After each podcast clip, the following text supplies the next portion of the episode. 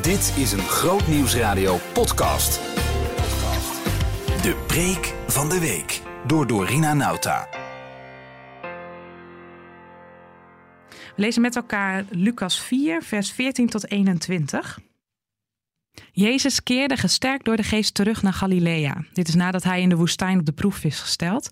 En het nieuws over hem verspreidde zich in de hele streek. Hij gaf onderricht in de synagoge en werd door allen geprezen. Hij kwam ook in Nazareth waar hij was opgegroeid en volgens zijn gewoonte ging hij op de Sabbat naar de synagoge. Toen hij opstond om voor te lezen, werd hem de boekrol van de profeet Jesaja overhandigd. En hij rolde hem af tot de plaats waar geschreven staat: De geest van de Heer rust op mij, want hij heeft mij gezalfd. Om mijn armen het goede nieuws te brengen, heeft hij mij gezonden, om aan gevangenen hun vrijlating bekend te maken en aan blinden het herstel van hun zicht, om onderdrukten hun vrijheid te geven, om een genadejaar van de Heer uit te roepen. Hij rolde de boekrol op, gaf hem terug aan de dienaar en ging weer zitten. De ogen van alle aanwezigen in de synagoge waren op hem gericht. Hij zei tegen hen: Vandaag hebben jullie deze schrifttekst in vervulling horen gaan. Er zijn weinig artikelen in de krant die me zo bij zijn gebleven als een artikel over hoe het eraan toe gaat in een distributiecentrum. Ik weet nog dat ik op een zaterdagochtend in de kerstvakantie een paar jaar geleden aan de keukentafel zat te lezen. En ik was geschokt door het topje van de ijsberg van de wereld achter online bestellen. Journalist Jeroen van Bergijk doet een experiment en werkt vijf weken undercover bij een distributiecentrum. Ik zal niet zeggen van welke grote online winkel, maar van een online winkel. En hoe dat in zijn werk gaat, vertelt hij in dat artikel. Vandaag besteld, morgen in huis. We vinden het de normaalste zaak van de wereld. En ik weet niet hoe het met jullie gaat, maar de afgelopen tijd zijn er heel wat pakketjes bij mij bezorgd. Maar het is natuurlijk van de zotte dat je om 11 uur s'avonds iets bestelt en dat de pakketbezorger de volgende dag bij mij, in mijn geval om 8 uur al aanbelt om het aan te geven. Als je tenminste thuis bent. En wat gebeurt er dan in die tussentijd? Als je je daarin gaat verdiepen, dan schrik je enorm. En in dat artikel vertelt Jeroen van Bergijk over alles wat er wordt teruggestuurd. Over potjes babyvoeding, die kapot teruggestuurd worden en waar de maden dan vervolgens inlopen. Een poesemand met vlooien erin. Gebruikte spullen die binnen 30 dagen dan weer teruggestuurd worden en waar mensen hun geld voor terugkrijgen. En Jeroen neemt het experiment aan. Hij gaat zo op verschillende afdelingen een tijdje werken en hij ziet welke spullen er allemaal terugkomen. Spullen waar de verpakking kapot van is. Het wordt allemaal afgekeurd en vernietigd. Maar ook over het doorbrengen van een lange dag zonder daglicht. En de mogelijkheid om tijdens de lunch, of eigenlijk de onmogelijkheid moet ik zeggen, om tijdens de lunch dan een wandelingetje te maken.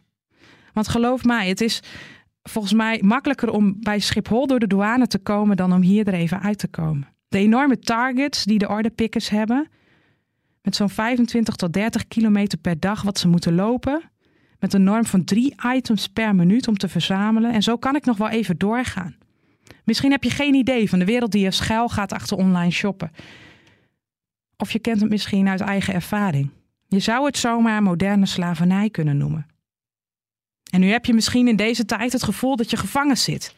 In een wereld van corona, in je eigen huis, in de maatregelen waar we ons aan moeten houden.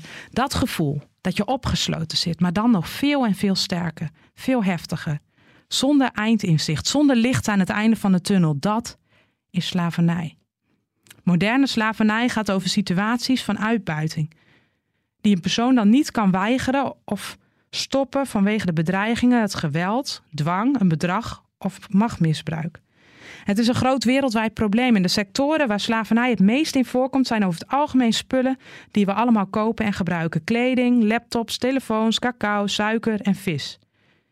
En als, als je de feiten dan bekijkt, dan kan een moedje in de schoenen zinken. Misschien slaak je met mij een zucht als je het hoort. Zoals de schepping een zucht onder de zonde en de gevolgen daarvan.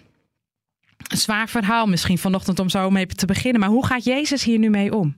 Vandaag kijken we naar de missie van Jezus. Lucas 4 lazen we met elkaar vers 14 tot 21. En daar presenteert Jezus zijn programma aan het begin van zijn carrière. Hij legt uit wat hij in deze wereld komt doen. Hij presenteert zijn missie. En alles wat hij doet is terug te leiden naar deze verse. Hij presenteert als het ware zijn missiestatement aan de hand van die oude woorden van de profeet Jesaja.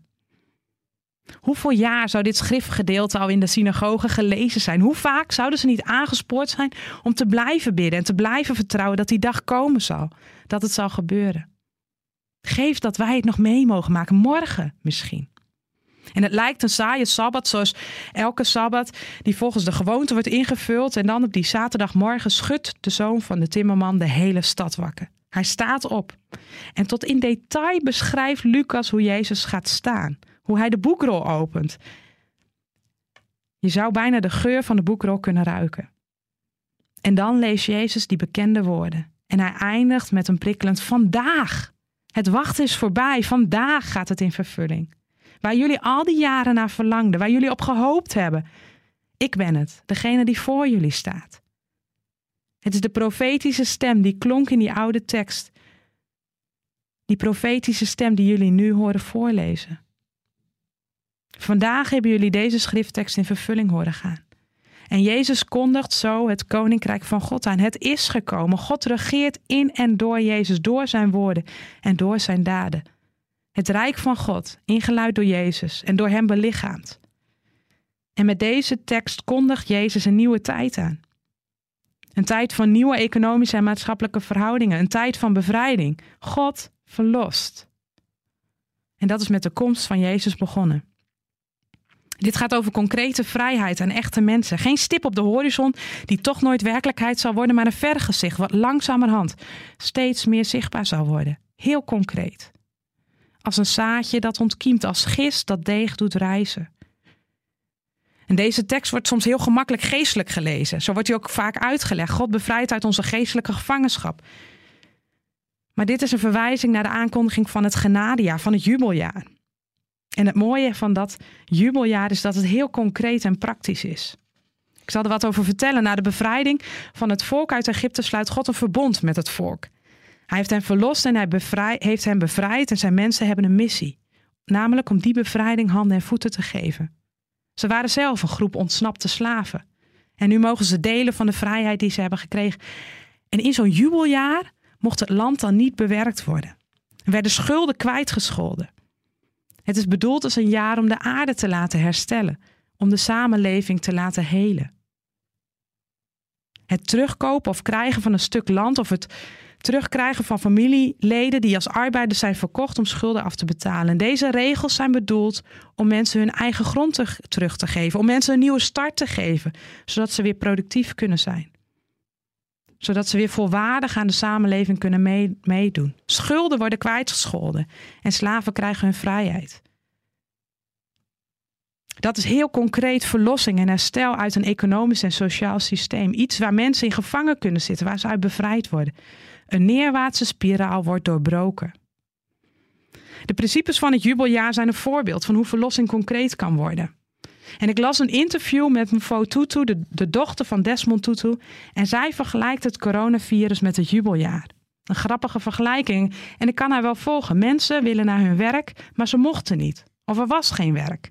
Het aantal vluchtelingen verminderde drastisch, evenals het autoverkeer. En als we deze crisis dan aangrijpen, zegt ze, als een kans op herstel, dan zit er ook een zegen in voor de mensheid. We verlangen naar een perfecte wereld. En Jezus is gekomen om ons, onze wereld te herstellen, om ons dat vergezicht van het koninkrijk te geven. En juist dat moedigt ons aan om in het hier en nu te streven naar recht, te wijzen naar die verlossing, naar die vrijheid van Christus. Als mensen met een missie, levend in het hier en nu. En dan laten we nu al glimpen van Gods nieuwe wereld zien. Ja, maar wij zijn Jezus toch niet? Wij kunnen toch niet de wereld redden? Wij kunnen toch niet die vrijheid bieden? Dat klopt, wij zijn niet de, wereld, de redders van deze wereld. Maar we dragen wel de verantwoordelijkheid voor onze eigen keuzes. En die zijn van grote invloed op de vrijheid van anderen. Kerkvader Augustinus zei al over deze gedachte: bid alsof alles van God afhangt en werk als voor alles van jou afhangt. Hoe kun je nu zo leven dat anderen ver weg en dichtbij mogen delen in de vrijheid die je zelf hebt leren kennen? Zoals het volk van God bevrijding heeft ervaren en dat mocht delen met de volken om hen heen. Als een getuige van Gods genade. Niet alleen door te zeggen dat God bevrijdt, maar door dat ook concreet te maken, door het handen en voeten te geven. Door mensen een nieuwe ervaring van genade op te laten doen. En mensen uit te nodigen om zich aan te sluiten in die beweging van bevrijding. En dan worden we gemeenschappen die het verlossingswerk van Jezus zichtbaar maken en zo vooruitwijzen naar een toekomst van hoop en bevrijding. En dat mag dus heel concreet worden. Maar hoe dan? Hoe dan concreet daarmee aan de slag te gaan?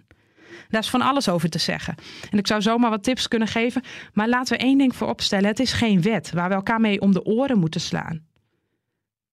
Aan ieder van ons is de verantwoordelijkheid om na te denken over wat het voor jou betekent. Welke stap kun jij zetten om te delen in de vrijheid die God je heeft gegeven? En hoe kun je anderen stimuleren niet te veroordelen, maar te laten proeven van die vrijheid? Om zo het koninkrijk van God in het hier en nu zichtbaar te maken. En dat mag met vallen en opstaan.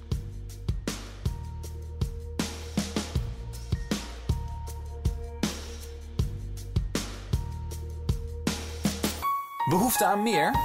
Grootnieuwsradio.nl slash podcast.